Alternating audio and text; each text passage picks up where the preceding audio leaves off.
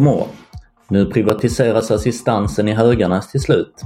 Teknik ska belysa otryggheten i Helsingborg och får dödade varg i Skåne. Här kommer de senaste nyheterna från Helsingborgs Dagblad. Under tisdagskvällen var det så dags för ett andra extra insatt fullmäktige i Höganäs och frågan gällde åter privatiseringen av den personliga assistansen i kommunen. Efter en mer än två timmar lång debatt fick oppositionen bestående av Socialdemokraterna, Liberalerna, Vänsterpartiet och Sverigedemokraterna se sig besegrade med röstsiffrorna 22-19. Det blir privatisering och runt 15 brukare berörs av beslutet liksom 77 personliga assistenter.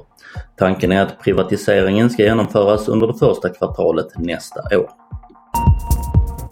Det är november och Helsingborg har gått in i den mörka årstiden. Men nu kommer satsningar på mer belysning.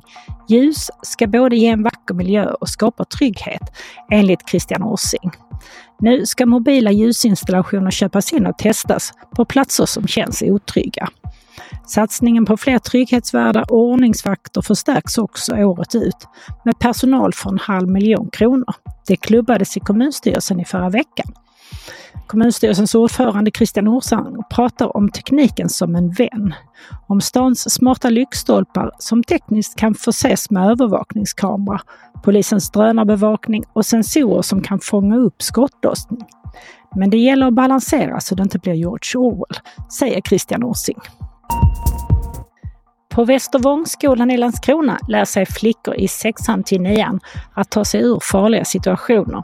Det handlar om självkänsla, självförtroende och att tuffa till sig. Det är det största. Inte att slåss, förklarar jujutsu-instruktören Anita Enberg. Flickorna får först lära sig att tydligt säga nej och att ta sig in bland folk, inte backa in i hörn om de skulle hamna i en farlig situation. Sen lär de sig användbara grepp. Mycket handlade om att röra sig och att inte vara passiv. Hittills har omkring 20 flickor i 12-13 årsåldern börjat kursen. Det känns skönare när man varit här för då vet man vad man ska göra om någon tar i en eller så, säger eleven Esmeralda Burre. I Höganäs ber kommunen om hjälp att bekämpa jättelokan av får. Metoden att låta får beta bort den invasiva växten är väldigt effektiv enligt markförvaltare Jenny Höjman. Den har testats hos privata markägare. Nu är det dags att prova den på kommunens mark i Hjärnarp. Varje markägare är enligt lag skyldig att bekämpa den frätande växten. Och mer får. För nu bekräftar Länsstyrelsen att de fyra får som i veckan hittades utanför Lövestad dödats av varg, det rapporterar Skånska Dagbladet. Länsstyrelsen går nu ut med en varning till närboende att öka tillsynen på tamdjur och se över sina stängsel. I juli hittades flera får döda i samband med vargattacker utanför Hässleholm och förra året dödades tio får av en varg i Huaröd i Kristianstad kommun. Omkring 150 svenskar har hittills lämnat Gaza via gränsövergången i Rafah mot Egypten.